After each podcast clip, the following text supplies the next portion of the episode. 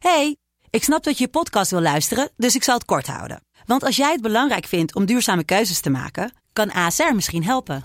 Nou hoor ik je denken, hoe dan?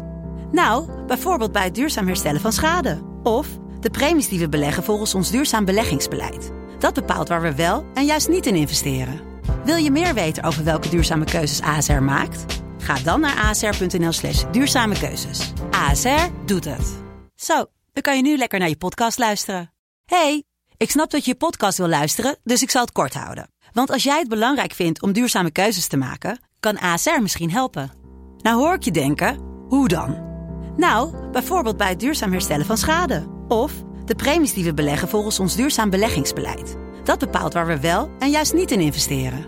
Wil je meer weten over welke duurzame keuzes ASR maakt? Ga dan naar asr.nl slash duurzame keuzes. ASR doet het. Zo, dan kan je nu lekker naar je podcast luisteren.